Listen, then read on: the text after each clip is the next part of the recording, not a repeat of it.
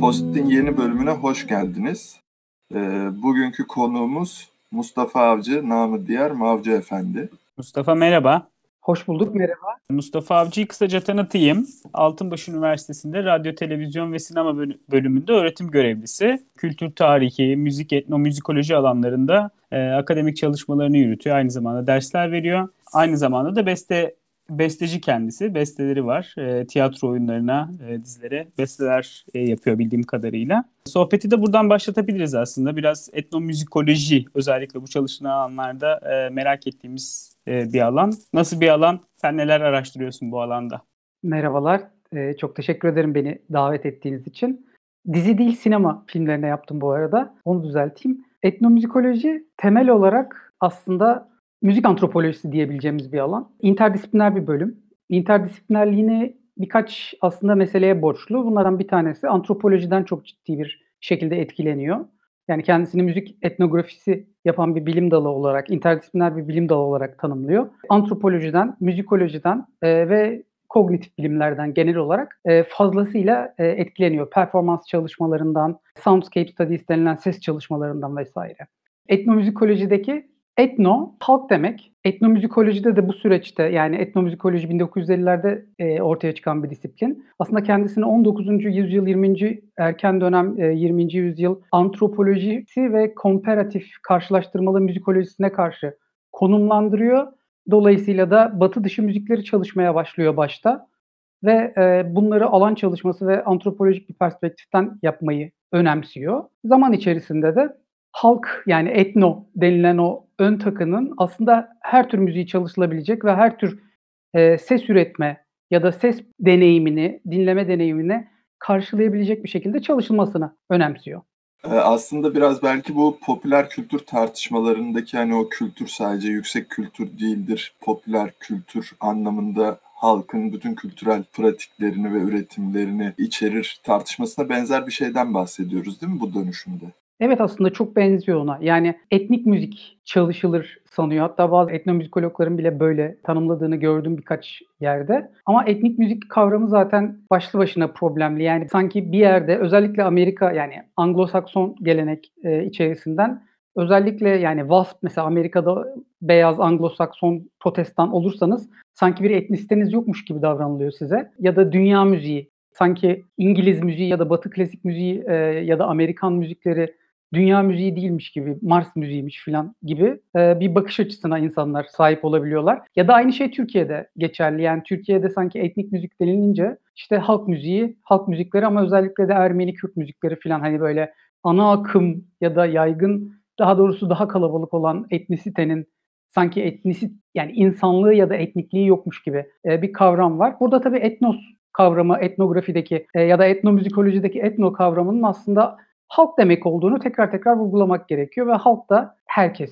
yani hepimiz halkız. Sen peki kendini nasıl bu alanda buldun? Yani ne tür şeylerle ilgilenirken etnomüzikolojide buldun kendini ya da burada senin ilgini çeken şey ne? Daha özel bir soru sorayım hatta. Boğaziçi ekonomi mezunu olduğunu gördüm. Biz de Fatih'le oradan mezun olduk. Kendini bir anda bu alanda nasıl buldun ben de merak ediyorum. Fatih de kaçmış, sen kaçmamışsın Orkun bu alandan.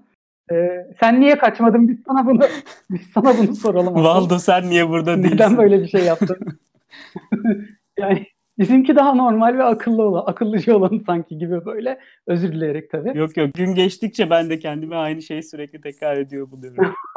ben e, çok matematiği çok sevdiğimi düşünüyordum. Yani hatta ben mühendis olmak istiyordum. Üniversite sınavında tercih yaptım. Sonra dediler ki sosyal bilimde yazabiliyorsunuz iktisat hukuk. 99 girişliyim ben.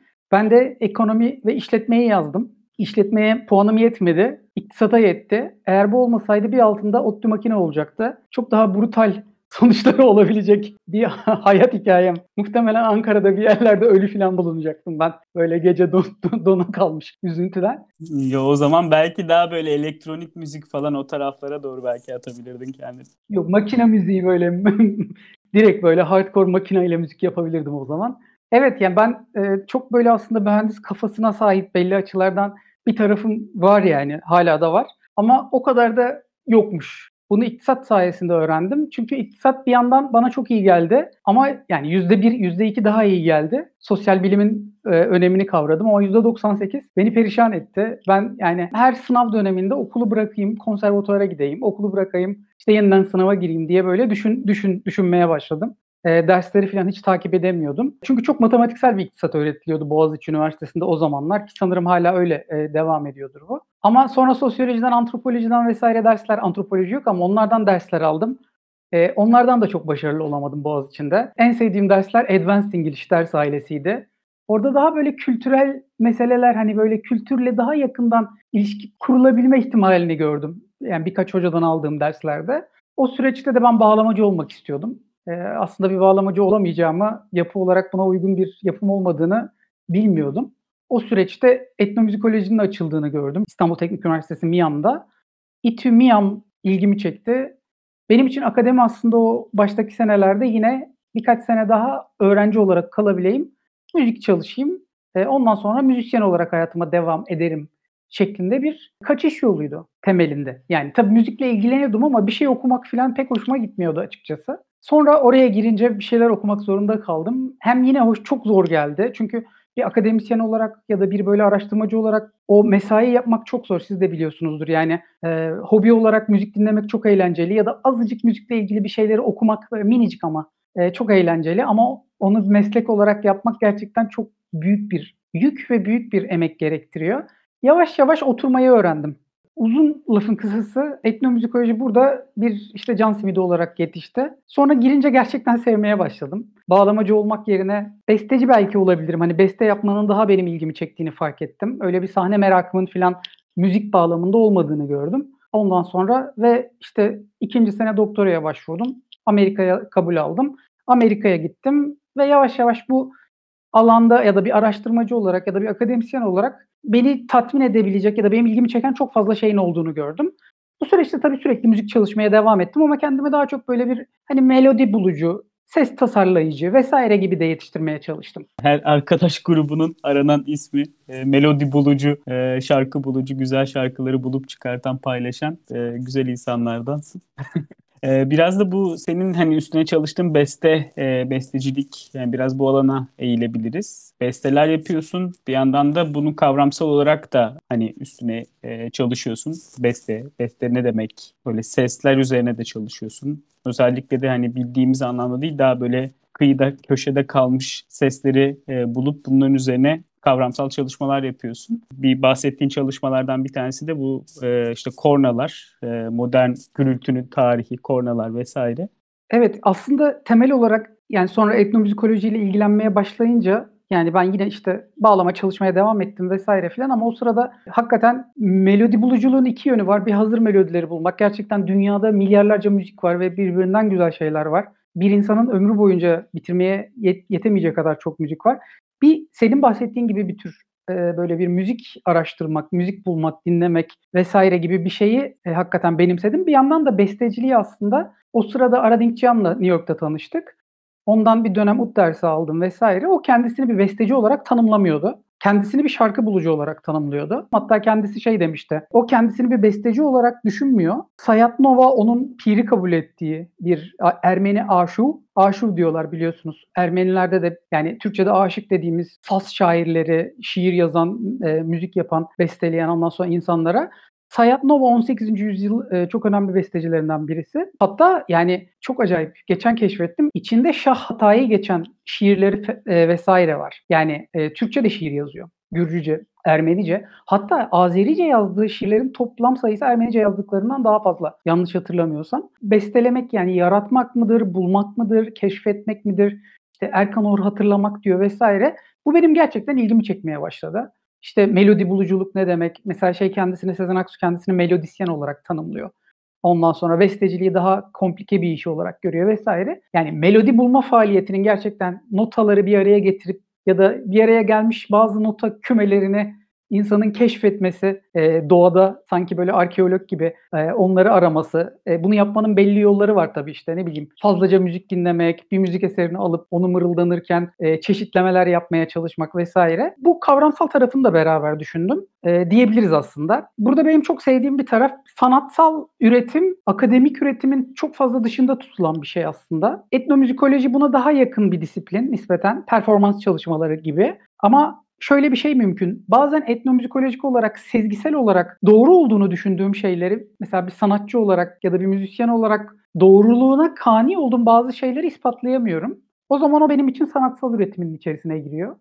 Ama bazı durumlarda bunu gerçekten hani böyle kantitatif ya da kalitatif, kualitatif olarak e, ispatlayabiliyorsun. Mesela melodi buluculuğu ispatladığımızı hani Aradinkçia'nın melodi buluculuk dediği şeyin aslında geçen sene ispatlandığını düşünüyorum ben. Ya da e, Erkan Oğur'un hatırlamak dediği şeyin. Hani bu haber vardı hatırlıyor musunuz? E, bir avukat ve bir yani müzisyen ikisi de ve bir kod bilgisayar kodu yazan kodcu bir araya geliyorlar ve şifre kırma algoritmalarını kullanarak dünyadaki bütün do majör ve do minör e, gamlarındaki bütün melodileri e, bilgisayar programıyla 12 sesten oluşan 8 beatlik, 8 vuruşluk, 2 ölçülük yani 4 dörtlük olursa bütün melodileri bilgisayara yazdırıyorlar. Toplam 66 milyar melodi yazılıyor. Ve Aran'ın dediği gibi eğer müzik ki öyle de hakikaten müzik eğer sesleri biz rakamlarla ya da harflerle temsil edebiliyoruz. Do, C olarak, Re, D olarak vesaire böyle de temsil edilebiliyor. Ya da işte do majörse C1, R2, E3, F4 vesaire diye gidebiliyor. 12 tane ses olduğunu düşünüyoruz. Yaklaşık bir buçuk oktav. Ve bu seslerden yeni şifreler yazıyorsunuz. 1, 1, 1, 1, 1, 1, 1, 1, 8 tane 1. 7 tane 1, bir tane 2. 7 tane 1, bir tane 3.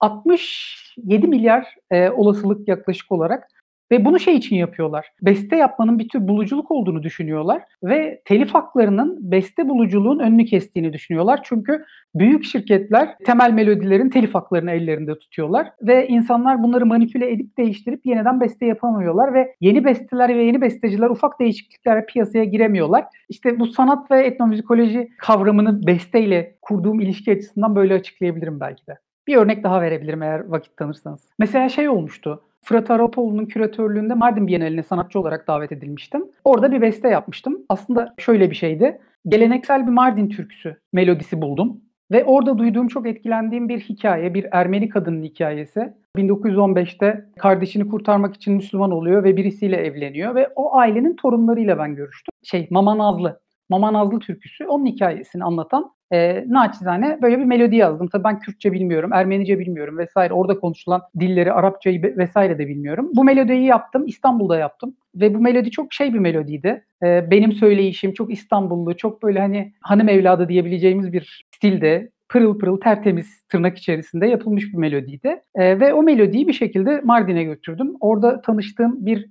demirci ustasıyla e, aynı zamanda kanun çalıyor. Asi Baba Beraber bu türküyü ona dinlettim. O türküyü anladığı gibi ya da duyduğu gibi aldı kendisi icra etmeye başladı. Sonra da orada e, iki tane, üç tane ya gelip geçen onun demircilik yanında gelip geçen arkadaşların katılımıyla türkünün sözlerini yeniden yazdık. Türkçe, işte Kürtçe, ondan sonra Arapça sözler ekledik. Ermenice sözlerin de eklenmesini çok istemiştim ben ama bir türlü böyle bir Ermenice konuşan birisine rastlayamadık orada. Ondan sonra işte rastladığımız kişi de pek hani yardımcı olamadı. İşi vardı ve türküyü bir şekilde Mardinlileştirdik. Normalde mesela TRT'nin yaptığı ya da işte devletin yaptığı aslında e, 2000'lere kadar 90'lara kadar tam tersi. Oradan bir ezgiyi alıp onun içerisindeki Arapça, Kürtçe, Ermenice, Süryanice her şeyi ayıklayıp onu böyle İstanbul Türkçesiyle pırıl pırıl sazlarla tertemiz bir şekilde yani yapay bir çiçek gibi belki de böyle cansızlaştırması süreci. Ne bileyim mesela bunu akademik olarak yapmanın bir yolu yok bu bahsettiğim şeyi. Bu tersine hareketin çok kuvvetli olduğunu düşünüyorum ben naçizane. Ve hala bana geçen gün oradan bir arkadaşım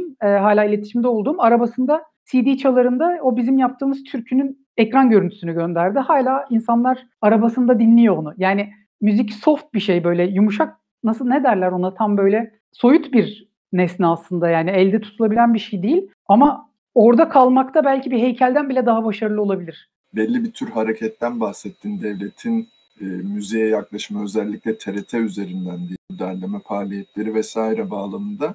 biraz daha o etnik çeşitliliği tek düzeleştirmek gibi ifade ettin ama yine senin nispeten ortaya çıkardığın demeyeyim ama hani sayende keşfettiğimiz müziklerden birkaçından e, örnek vermek gerekirse mesela işte bu 60'lar 70'lerdeki o TRT'de icra edilen e, çeşitli müzikleri düşünüyorum. Örneğin Özer, Özer Ünal'ın işte Allı Turnam icrası vesaire hani saksafonla.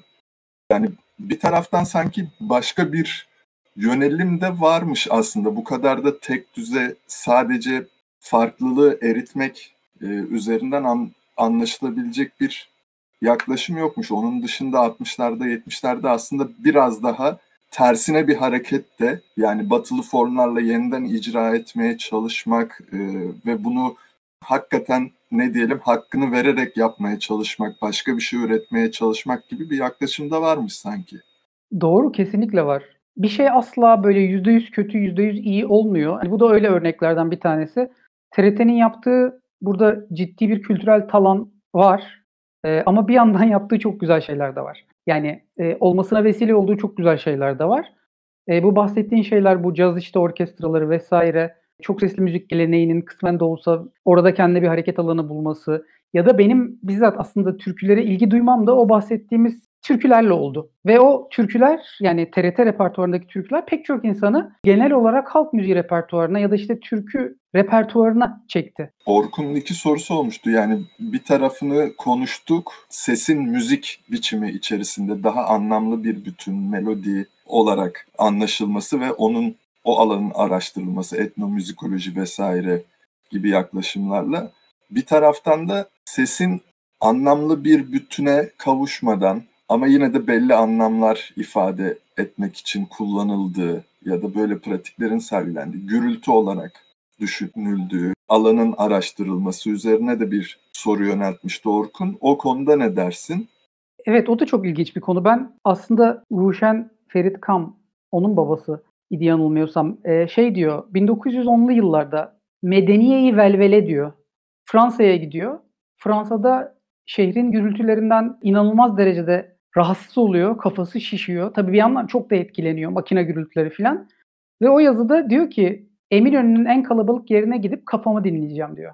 Ve bundan 5-10 sene içerisinde yani 5-10 sene sonra farklı tanıklıklardan İstanbul'da artık modern gürültünün, makina seslerinin, araç seslerinin, pek çok başka sesin e, şehri ele geçirdiğini ve gittikçe büyük bir problem olmaya başladığını görüyoruz. Bu benim çok ilgimi çekti. Bunu çalıştım. Bunu çalışırken de aslında 3 ya da 4 temel yerden çalışmak istedim bunu. Bir tanesi makinaların ortaya çıkışı temel olarak. Bir diğeri işte hoparlörlerin ortaya çıkışı. Radyoların, hoparlör, e, fonograf vesaire hani böyle ses üreten e, cihazların ortaya çıkışı. Bir tanesi de korna ve klaksonun ortaya çıkışı. Bu eksende aslında çalışmaya çalışmak istedim ve o dönemki tartışmalar işte gürültü etrafında, insanların gürültüyle başa çıkması yönünde, gürültünün nizamnamesinin olmaması, Batı'da bunların olması vesaire gibi böyle pek çok tartışma tartışmayla ilgilendim. E, bunların tarihini de yazmak istiyorum. Yani bu konuyla ilgili e, aslında sunumlar yaptım e, çeşitli yerlerde.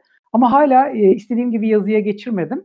E, hakikaten de öyle. Yani ses ses dediğin gibi bazen bir anlamı yani müzik gibi böyle işte insani olarak bir araya getirilmiş ses diyorlar müzik için. E, bir yandan da insanın anlamlı bulduğu ses bir başka üst kat komşunun mesela anlamsız bulduğu ve gürültü e, olarak kabul edebileceği bir ses. Sese karşı duyduğumuz en azından tepkiler çok çabuk değişebiliyor. Ses insanı öldürebiliyor belli desibel belli bir desibelin üstüne çıktığında belli bir desibelin üstünde insanda ciddi hormon bozukluklarına, stres bozukluklarına, kalp rahatsızlıklarına yani bunlar kanıtlanan şeyler. İnsanlar 30-40 yıl boyunca yüksek sese maruz kaldıklarında kalp krizi geçirme yüksek e, ihtimalleri çok daha yüksek vesaire. Doğal olarak da çok ciddi bir sağlık sorunu. Sağırlık sonra e, çok büyük bir sağlık sorunu. Ya bunları biz çok böyle şey yapmıyoruz ama hakikaten sağlık sektöründe çok iyi bilinen sorunlar bunların büyük bir kısmı. O yüzden de bunun hakikaten e, çalışılması gerekiyor gürültünün sosyal tarihinin yazılması da bu açıdan çok önemli. Bir de ben şeyle çok e, yani 1950'lere kadar bu bahsettiğim şeylerden e, bunlarla ilgilendim. Bir de 50'lerden sonra yavaş yavaş mikrofonlu ve e, hoparlörlü ezan tartışmaları var. Çok e, özellikle 50 ile 70'li yıllar arasında ve hala devam ediyor işte e, camilerin hoparlörlerin sesi çok mu açık, e, çok mu kapalı. İnanılmaz enteresan tartışmalar olduğunu gördüm. Korna da çok ilginç. Yani korna bir yandan kuş sesi gibi ilkel bir düzeyde iletişim sağlıyor. Aklıma ilk gelen kornanın işte özür dilerim, özür dilerim anlamına da gelebilmesi. Ama yine ben kesinlikle böyle düşünemiyorum ama düşünmüyorum ama ananı avradını vesaire gibi böyle daat böyle 3-4 saniyeyi kökleyerek geçtiği zaman o mesela Türkçe'de ana avrat küfür edilmiş gibi insanlar kabul ediyor. Ama kısa olan mesela selamünaleyküm, selam, özür dilerim, özür dilerim, tamam pardon gibi anlamları taşıyor değil mi böyle? Yani bu bağlamda düşününce hatta şey var bir arkadaşım söylemişti. Karşı tarafta Göztepe vesaire o civarda ördek toplamak diyormuş şeyler dolmuşlar kornaya. Bak bak bak bak bak bak bak bak bak. E, ördeğin yavrularını çağırdığı gibi sürekli kornaya basmaya. E, bu açıdan düşününce kornanın hakikaten linguistik olarak da bir karşılığı var ve artık kısa kornada yani buradan herkes e, bunu aslında farkındadır ama e, belki de resmi olarak söyleyelim artık kısa korna da ana avrat küfür yerine geçiyor. O yüzden mümkün mertebe kimseye korna çalmayın artık trafikte. Çünkü e, insanların şeyi kalmamış durumda artık sabrı ve e, bir şekilde anlayışı. Kornaya hayır. Bu kamu spotundan sonra şey aklıma geldi yani böyle daha küçük yerlerde e, ne bileyim böyle biraz taşrada falan böyle bir hani kornaya kısa basıp bir de böyle arabanın içerisinde kafanı eğersen o yani tanımadığın birine bile böyle selam verdiğin zaman selam alabiliyorsun genelde yani. Böyle kısa korna. Selamun aleyküm. Evet sel- selamun aleyküm kornası. Arabayı da azıcık Yok kafanı eğeceksin. Sen direksiyonda hem basacaksın hem eğeceksin. Bir de güle güle kornası var tabii yani kaçıyorum dırırırt dırırırt diye böyle hani giderken bir de o da kornaya basmak da var. İşte basit ama sesin anlamları var hakikaten değil mi? Yani korna daha buluruz da bence. Yani bu korna aşkınız gerçekten inanılmaz. Bu muhabbet şeyi aklıma getirdi. Bu böyle Karadeniz'de daha çok kullanıyorlar. Bu şey, köyler arası mesafede biraz e, olduğu için falan böyle hani ıslıkla haberleşme, haberleşmenin ötesinde bayağı muhabbet etme şey var ya herhalde biraz. Bayağı konuşuyorlar onlar. evet bu da bilmiyorum bu, bu buraya baktım mı hiç bu, bu bu da ilgini çeken alanlardan bir tanesini bilmiyorum ama Evet benim çok ilgimi çekiyor. Kuş dili. Kuşköy'ün kuş dili meşhur. Yanılmıyorsam Şaban Kutlu'ydu adı. Ee, onu araştıran ve kitaplar yazan birisi. Onunla yazıştık. Konuyla ilgili yazılmış bütün kitaplarını aldım. Hepsi elimde duruyor. Ee, çok ilgimi çekiyor tabii ki. Yani dünyada en çok ilgimi çeken şeylerden bir tanesi.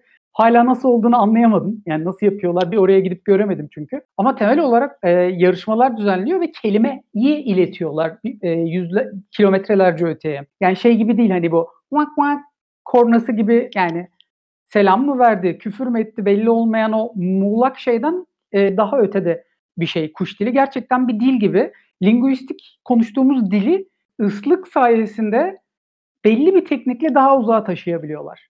Dünyada yine yani onlarca farklı kuş dili çeşidi var. Bunların bir kısmı sesi sinyaller olarak kullanıyor ama yine benim bildiğim ve anladığım kadarıyla işte Kuşköy'de olan gerçekten linguistik bir form aslında. Dili sese çeviriyor, tercüme ediyor. Türkiye'de politik müziğin e, serencamı üzerine bir metin yazmıştın yakın zamanda. E, oradan biraz konuşalım isterim. E, bu anlamda da aslında belli bir dönemde e, özellikle aşıkların Türkiye'de politik müziğin merkezine yerleştiği bir momentten de bahsediyorsun. Orayı biraz bize anlatıp belki bugün hani politik müzik denince neleri düşünmek gerekir gibi bir yere doğru evriltiriz sohbeti. Evet, Oxford e, Üniversitesi yayınlarından çıkan Güneş Murat Tezcur'un derlediği bir kitap için aslında yazdım o yazıyı. Ben oldum olası bağlama müziğine çılgınca tutkun olan bir insanım. Aşık müziği de bu bağlamda çok ilgimi çeken müziklerden birisi. Ama özellikle 60'lı yıllarla başlayan bir müzik var ki aşıkların icra ettiği ve ürettiği. İçerisinde sosyalizm geliyor, işte ne bileyim Mao Zedong yoldaşım, ondan sonra vesaire gibi böyle hiç daha önceden bu formun içerisine girmemiş bir jargonun ve kelimeler bütününün girdiğini siz de biliyorsunuz hani böyle işte devrimciler gelir dost dost pek yakındadır, dev çok yakındadır vesaire gibi. Bu benim çok ilgimi çekiyor. Sebebini bilmiyorum. Bir yandan bazen dinliyorum, gülüyorum. Beni çok büyülüyor. Sebebini asla çözemediğim bir büyü bu. Aslında şeye de benziyor. Mesela Neşet Ertaş'ın atom bombası türküsüne de benziyor. Atom bombası atılmasın vesaire gibi böyle. Yani atom bombasının bir türkünün içerisine girmesi zaten o türkü dünyasının bütün büyüsünü ve bütün her şeyini atom bombasıyla patlatması gibi bir şey aslında bir yandan. infilak etmesi ama bir yandan da yani başta böyle oluyor. Sonra içine gire gire gire gire artık öyle şiirler de yazılmaya başlıyor. Her ne kadar halk şiirinin belki de tıkandığı vesaire bu açıdan hani e, düşünülse de böyle ikinci yeni vesaire tarafından folklor şiire düşman böyle o folklor söyleminin ya da işte kendi içerisinde kendisini yenileyebilme kapasitesinin belki de bir sınıra gelmesi. Ben e, belki de öyle bir şey buluyordum onun içerisinde. Yani bu tür türküler içerisinde aslında çok da başarılı olmamış bir deneme, yeni türkü yazma, yeni şiir yazma denemeleri var. E, ve acaba türkünün o türkülüğünü bozmadan bir Karaca olan türküsü gibi duyurarak atom bombasından bahsetmek mümkün mü mesela? Benim açımdan çok önemli bir soru e, diyebilirim. Ya da içinde o Türkiye has olmayan yani toprak ve e, gübre kokmayan, orman, dağ filan böyle içermeyen ama yine de şehirde geçen şiirlerin tabii bunu deneyen çok fazla yazar var bu arada. Yani yeni türkü vesaire adı altında.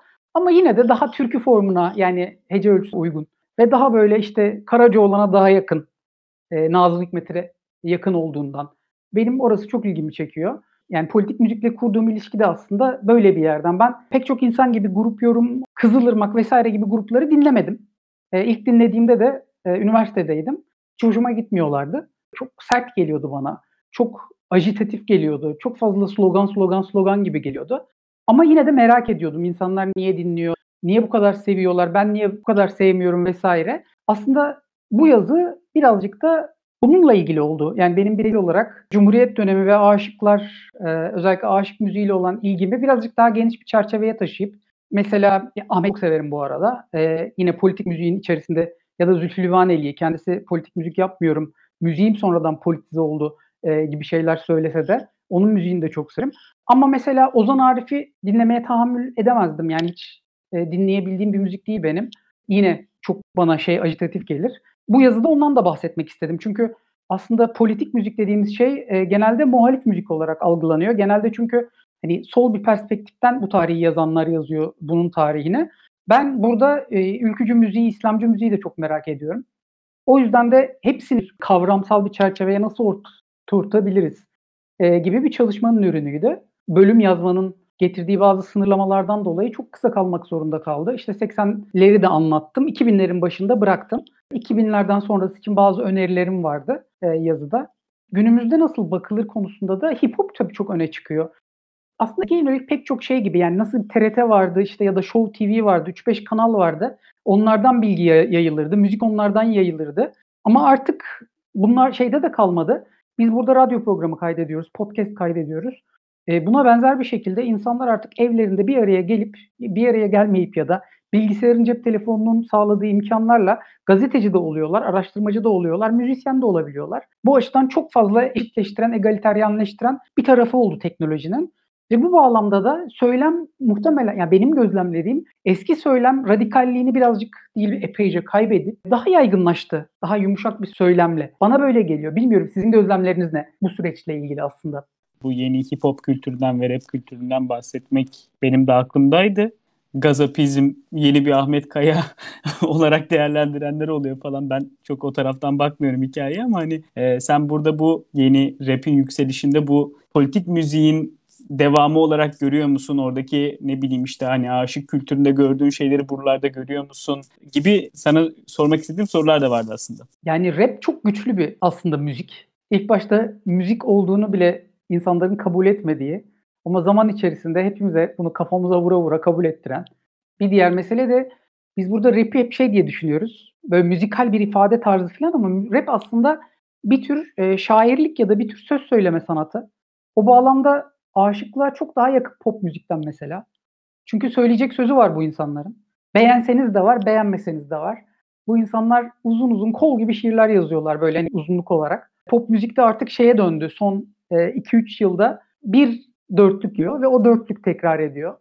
Çok fazla şarkıda bunu dinleyebilirsiniz. Pop'ta bu türden bir söz sıkıntısı var. Ama hip hop'ta hip hop yapan gençlerin ve işte insanların böyle bir sıkıntısı yok. Söyleyecek çok fazla sözleri var.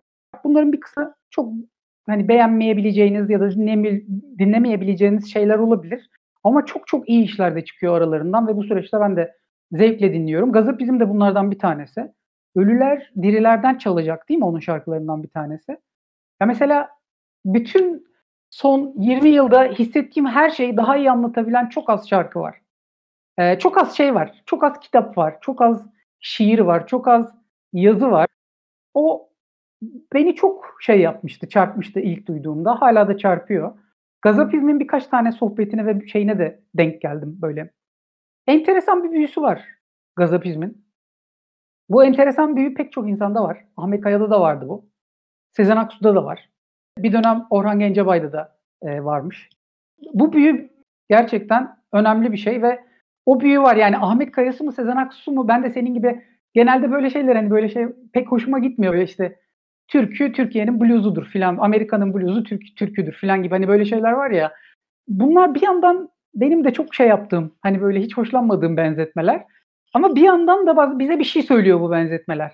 Ya bu kadar çok ısrar ediliyorsa, bu kadar çok insan aynı şeyi söylüyorsa ben orada bir şeyin doğru olabilme ihtimalini hep şey yapmak istiyorum yani. E, buna en yakınlaşabildiğim yerde yani Gazapizm'in Ahmet Kaya olması konusuna adamın bir büyüsü var.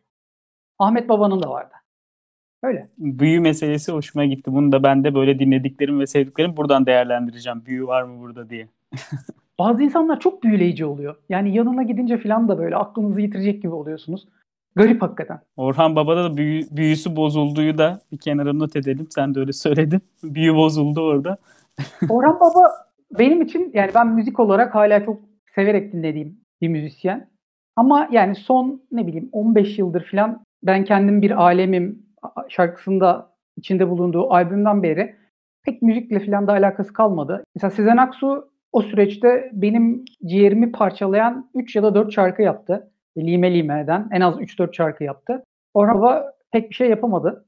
O yüzden diyorum yani büyüsünü muhtemelen yitirdi ki ya da bize bir şey söyleme ihtiyacını müzikal olarak artık içinde barındırmıyor.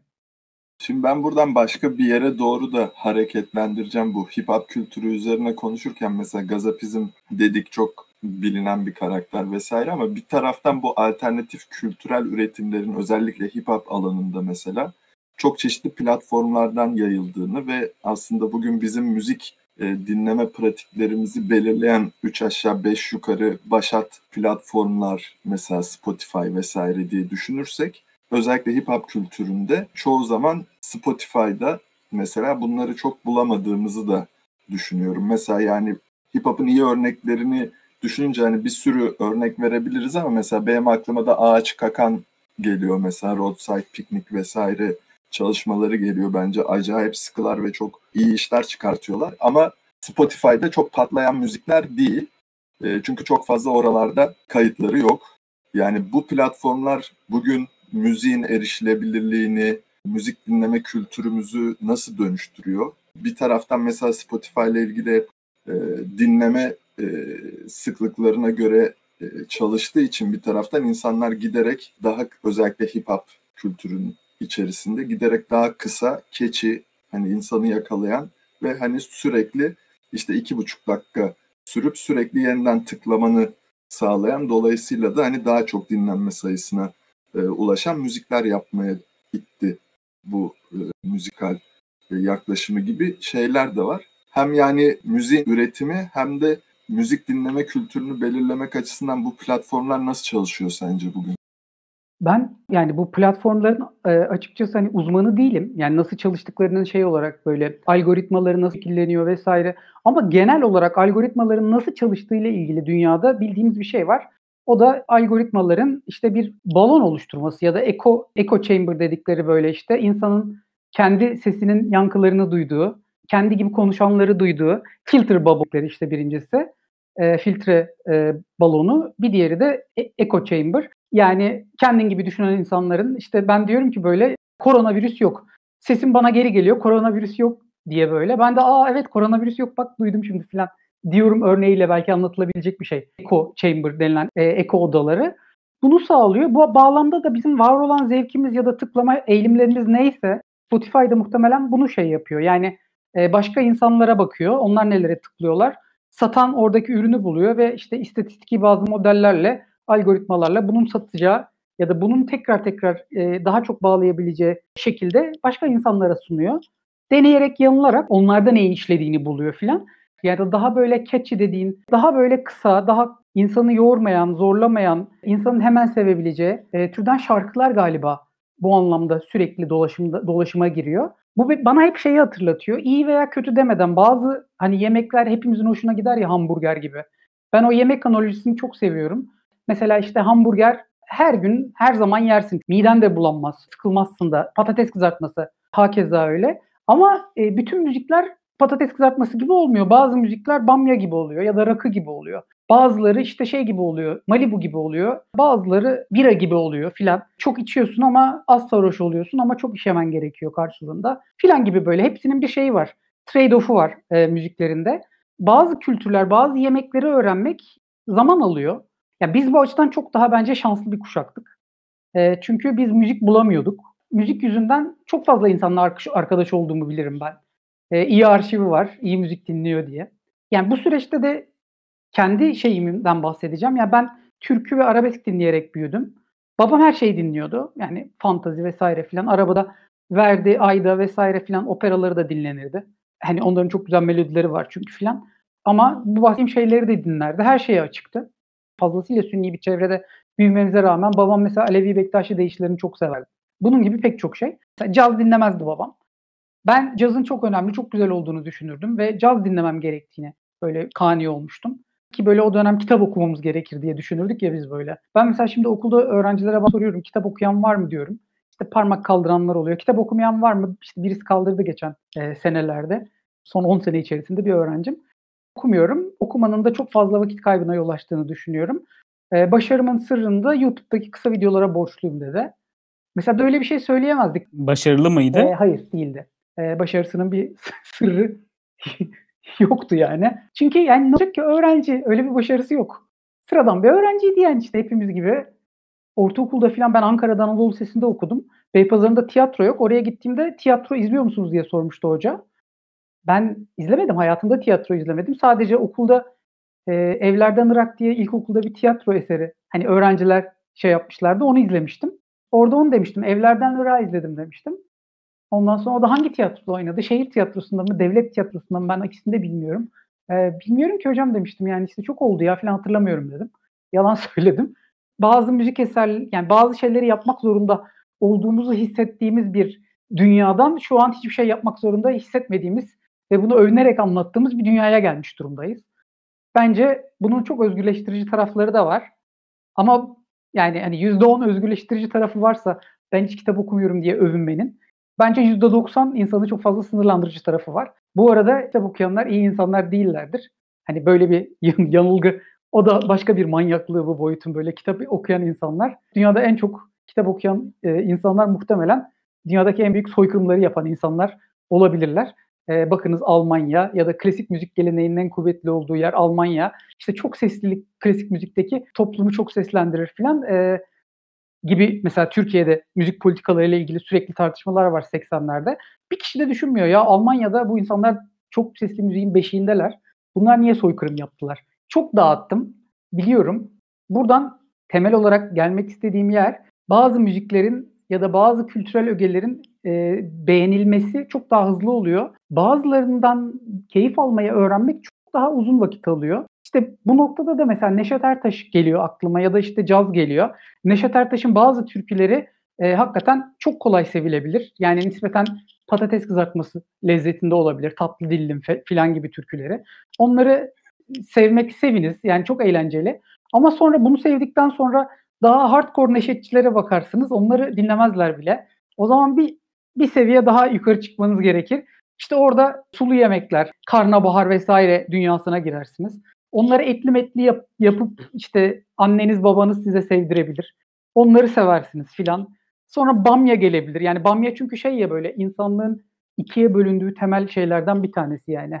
E, bamya sevenler, sevmeyenler diye yani o kadar net ayrılabilen başka çok az şey var dünyada insanları e, ikiye. Yani din filan bile bu kadar ikiye bölmemiştir insanları. Bamya yemekteki dikotomi hiçbir şeyde yok. Ben bamyadan nefret eden insanları gördükçe şey yazmak istiyorum böyle Facebook'ta bamya bir bitki farkındasınız değil mi? Hani nefretiniz hiçbir hiçbir bilimsel, sosyal sağduyu sağduyu içeren bir böyle şey altyapıya dayanmıyor.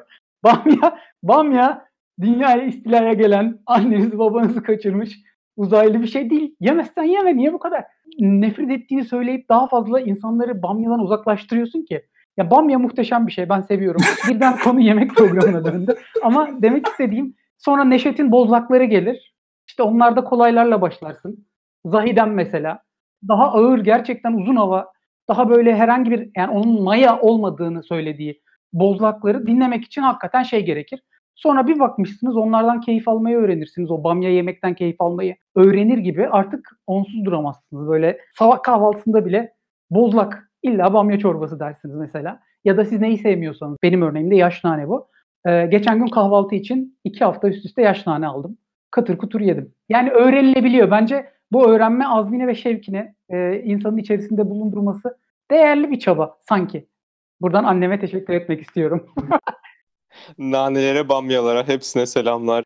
Şimdi bu son söylediğinde yemekler üzerinden hani düşünerek e, öğrenmenin zaman alması, dolayısıyla o büyüye kapılmanın da aslında bir bir taraftan dinleyici için de bazen emek gerektirdiği. Biraz böyle o ikisinin arasındaki ilişkiyi aslında merak ettim sen konuşurken. O bağlantıyı da şeyden yakalamıştık zannedersem. Bu demin Sidar'ın sorusuyla bağlantılı o Spotify gibi yeni mecralarda işte hani bu tüketim kültürünün daha hızlanması ama bir taraftan da herkese daha erişilebilir kılması birçok şeyi.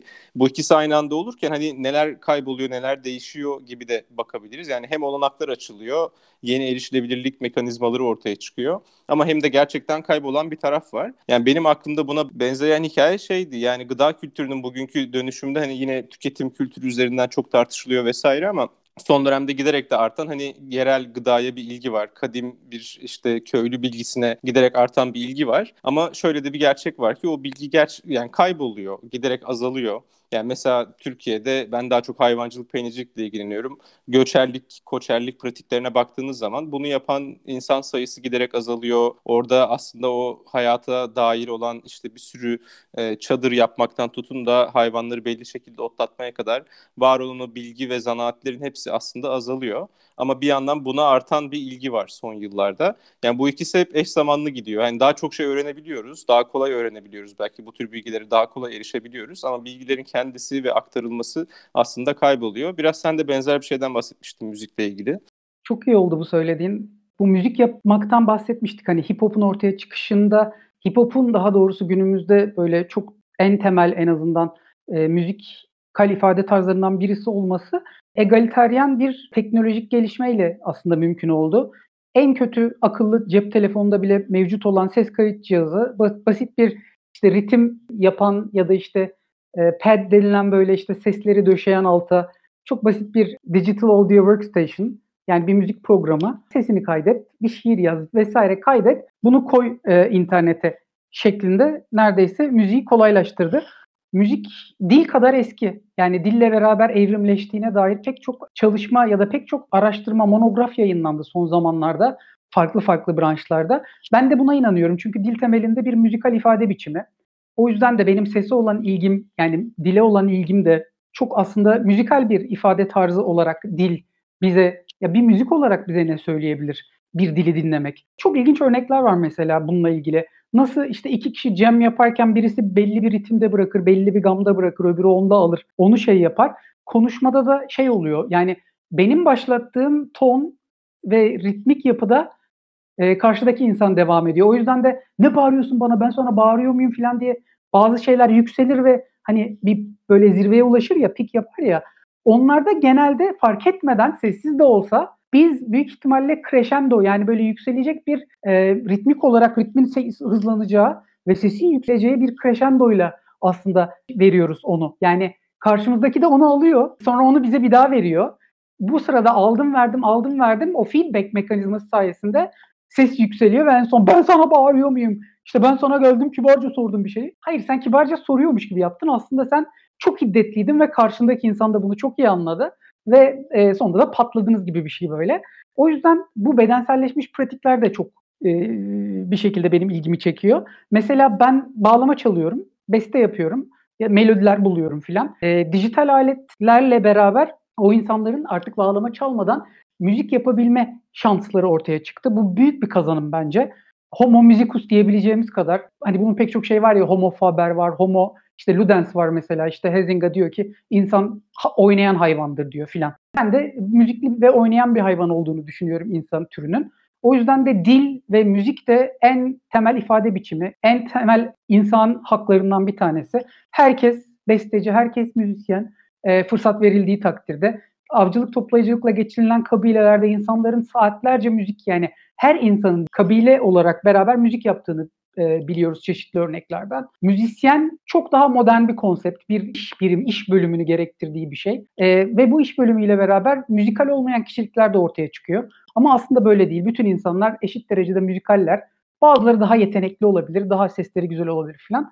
Ben bunu sağladığını düşünüyorum. Ama bir yandan da e, ben mesela diyorum bağlama çalıyorum, lavtı çalıyorum. Günde beni daha fazla eğlendiren dünyada hiçbir şey yok. Yani 2-3 saat ben bu aletlerin üzerinde parmaklarımı gezdiriyorum. Ondan sonra orada garip şeyler keşfediyorum. E, beyninizde düşündüğünüzden daha hızlı bir şekilde parmaklarınızla düşündüğünüzü hissediyor olmanız. Aslında böyle değil tabii ki de.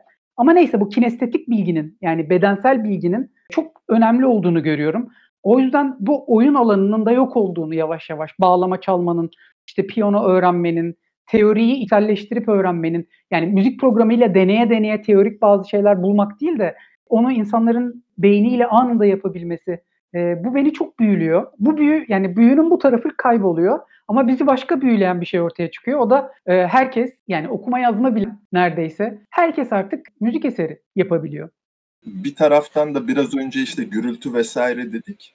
Bence müziğe aslında e, biraz zevkini veren, tadını tuzunu veren diyelim kabaca o icraya anlamını veren o gürültü diyebileceğimiz kısım ortadan kalkıyor aslında. Her şey sadece sinyallerden ibaret hale geliyor. Mesela işte o saz çalarken işte tezenenin tele deyip kendince fazladan bir ses çıkartıyor olması sadece notayı değil. Aynı zamanda biraz onu da duyuyor olmamız ya da işte o iyi enstrümanistlerin yaptığı oyunculuk diyelim enstrümanlarıyla o biraz ortadan kalkıyor ve aslında böyle sadece anlamdan ibaret, anlamdan derken aslında sadece bir sinyalden ibaret bir şey haline geliyor.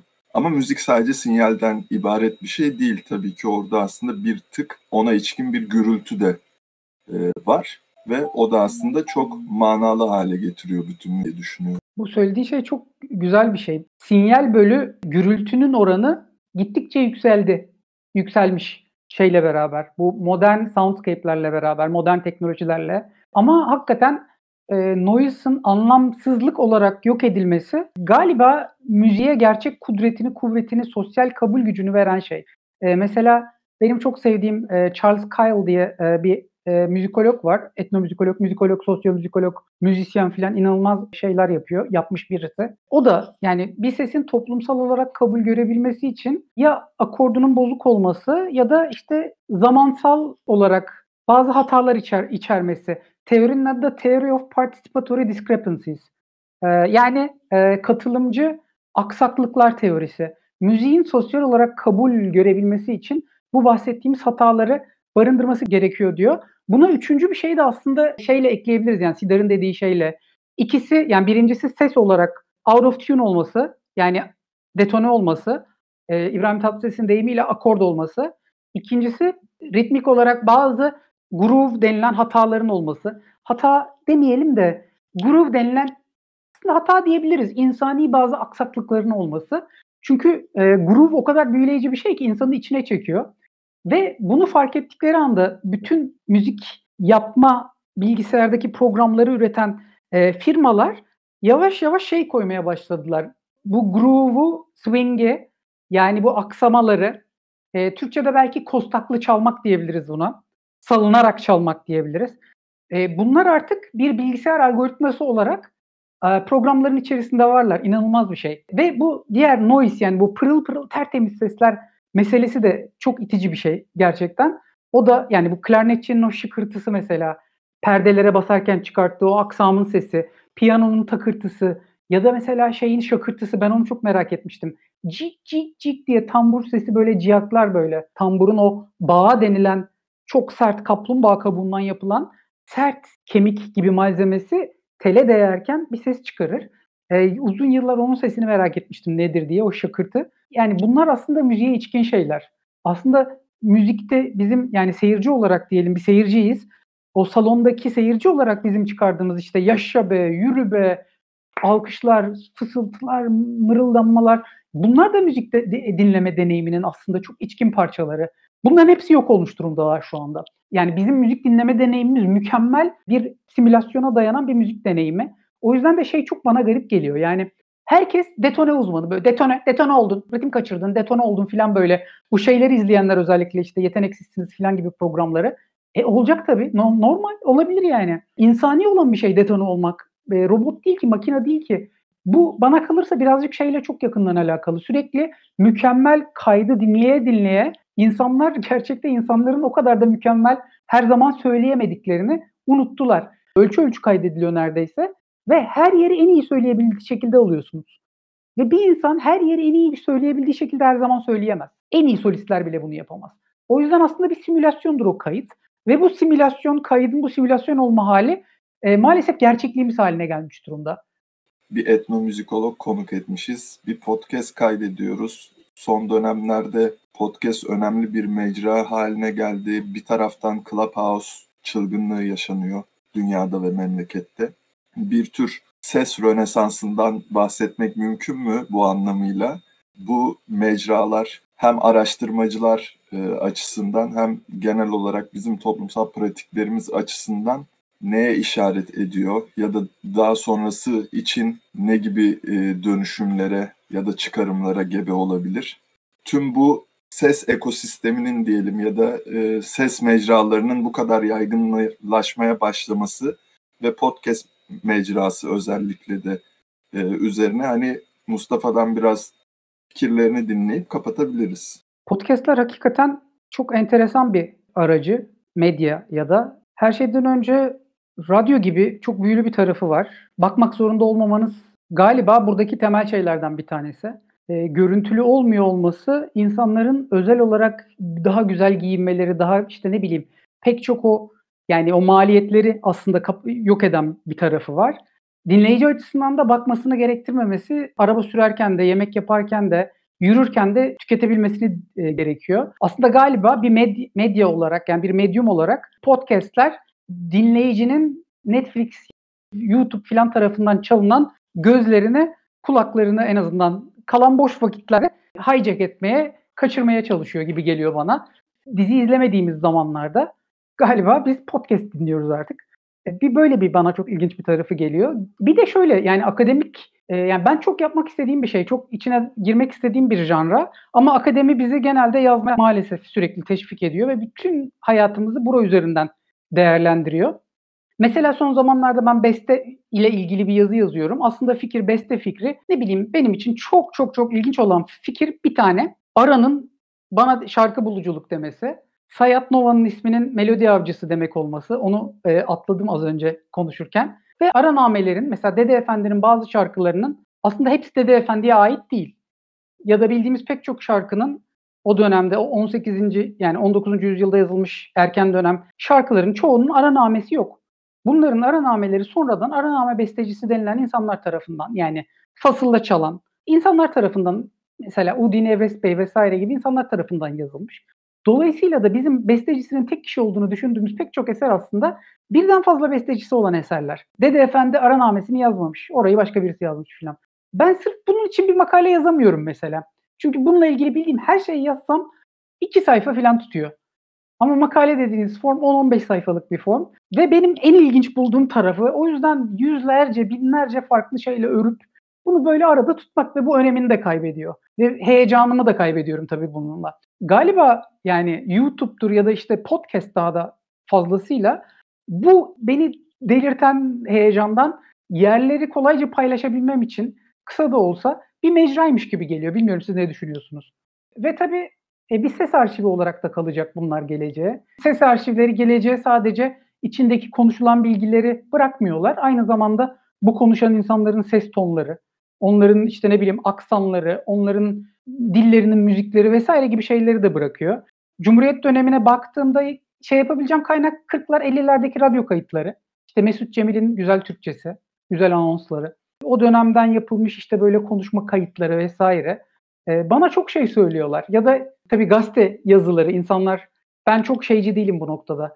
Böyle insanların e, konuştukları gibi yazmasına çok böyle hani e, şey bir böyle sert bir şey var. E, D'ler ayrı yazılacak, key'ler işte ayrı yazılacak filan gibisinden. Nasıl istiyorsa öyle yazsın. Beni çok ilgilendirmiyor.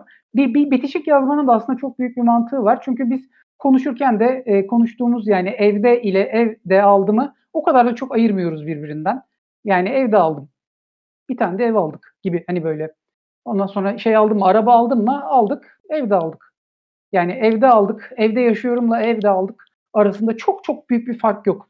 Yazı diline aslında sirayet edebilecek. O yüzden ben yani bir nota olarak görülmesi gerektiğini gündelik yazının e, düşünüyorum ve insanların bu en temel özgürlüklerinden yine yazma özgürlüklerinden e, bu şekilde utandırılarak fikirlerini beyan etmekten vazgeçilmemesi gerektiğini düşünüyorum. Kaldı ki bu da aynı zamanda konuştukları gibi yazdıklarında insanlar bize yani ses çalışan insanlara, linguistlere vesaire çok güzel böyle şey olacaklar, arşiv malzemesi olacaklar. O yüzden de bunu galiba istiyorum ha ha ha diyerekten e, bunu söylüyorum. Öyle yani ben kısacası podcast ile ilgili böyle düşünüyorum arkadaşlar. İyi ki podcast yapıyorsunuz. Çok teşekkür ederiz. Kalp yapıyorum size. Çok teşekkürler Mustafa. Mustafa teşekkür ederiz. Yani hem yüreklendirici yorumların için biz de bu podcast medyumunu, medyasını, e, aracılığını yeni öğrendiğimiz bir zamanda böyle bir kayıt bizim için de keyifli oldu. O yüzden hem geleceğe dair bir kayıt düşmüş olduk bu bölümde hem keyifli bir sohbet etmiş olduk. Bol kostaklı bir yayın oldu bu, bol gürültülü. Ee, burada da sonlandıralım isterseniz. Katıldığın için çok teşekkürler. Ağzına sağlık Mustafa. Ben de çok teşekkür ederim. Yüz yüze de yapalım bunu. Böyle bunu kabul etmeliyiz. Postlet'in bir bölümünün daha sonuna geldik. Ee, bir dahaki bölümde görüşmek üzere. Hoşçakalın.